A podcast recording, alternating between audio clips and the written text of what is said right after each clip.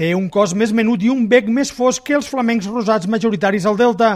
Los tècnics expliquen que se'n solen veure alguns exemplars fora de l'època de reproducció. En alguns casos són aus que han escapat de nuclis zoològics europeus, però difícilment se reprodueixen a les colònies mediterrànies.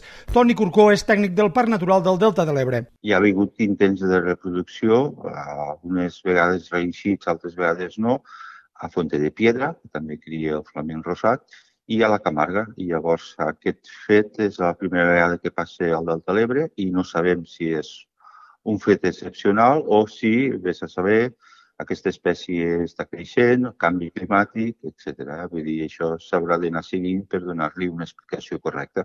El descobriment s'ha fet durant el cens de la colònia de flamenc rosat que es va fer el mes de maig passat a partir d'imatges obtingudes amb dron.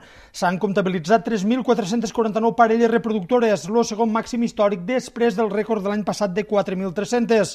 Enguany, la pandèmia de la Covid-19 ha obligat també a suspendre l'habitual operació d'anellament dels polls de flamenc que es feia durant el mes de juliol.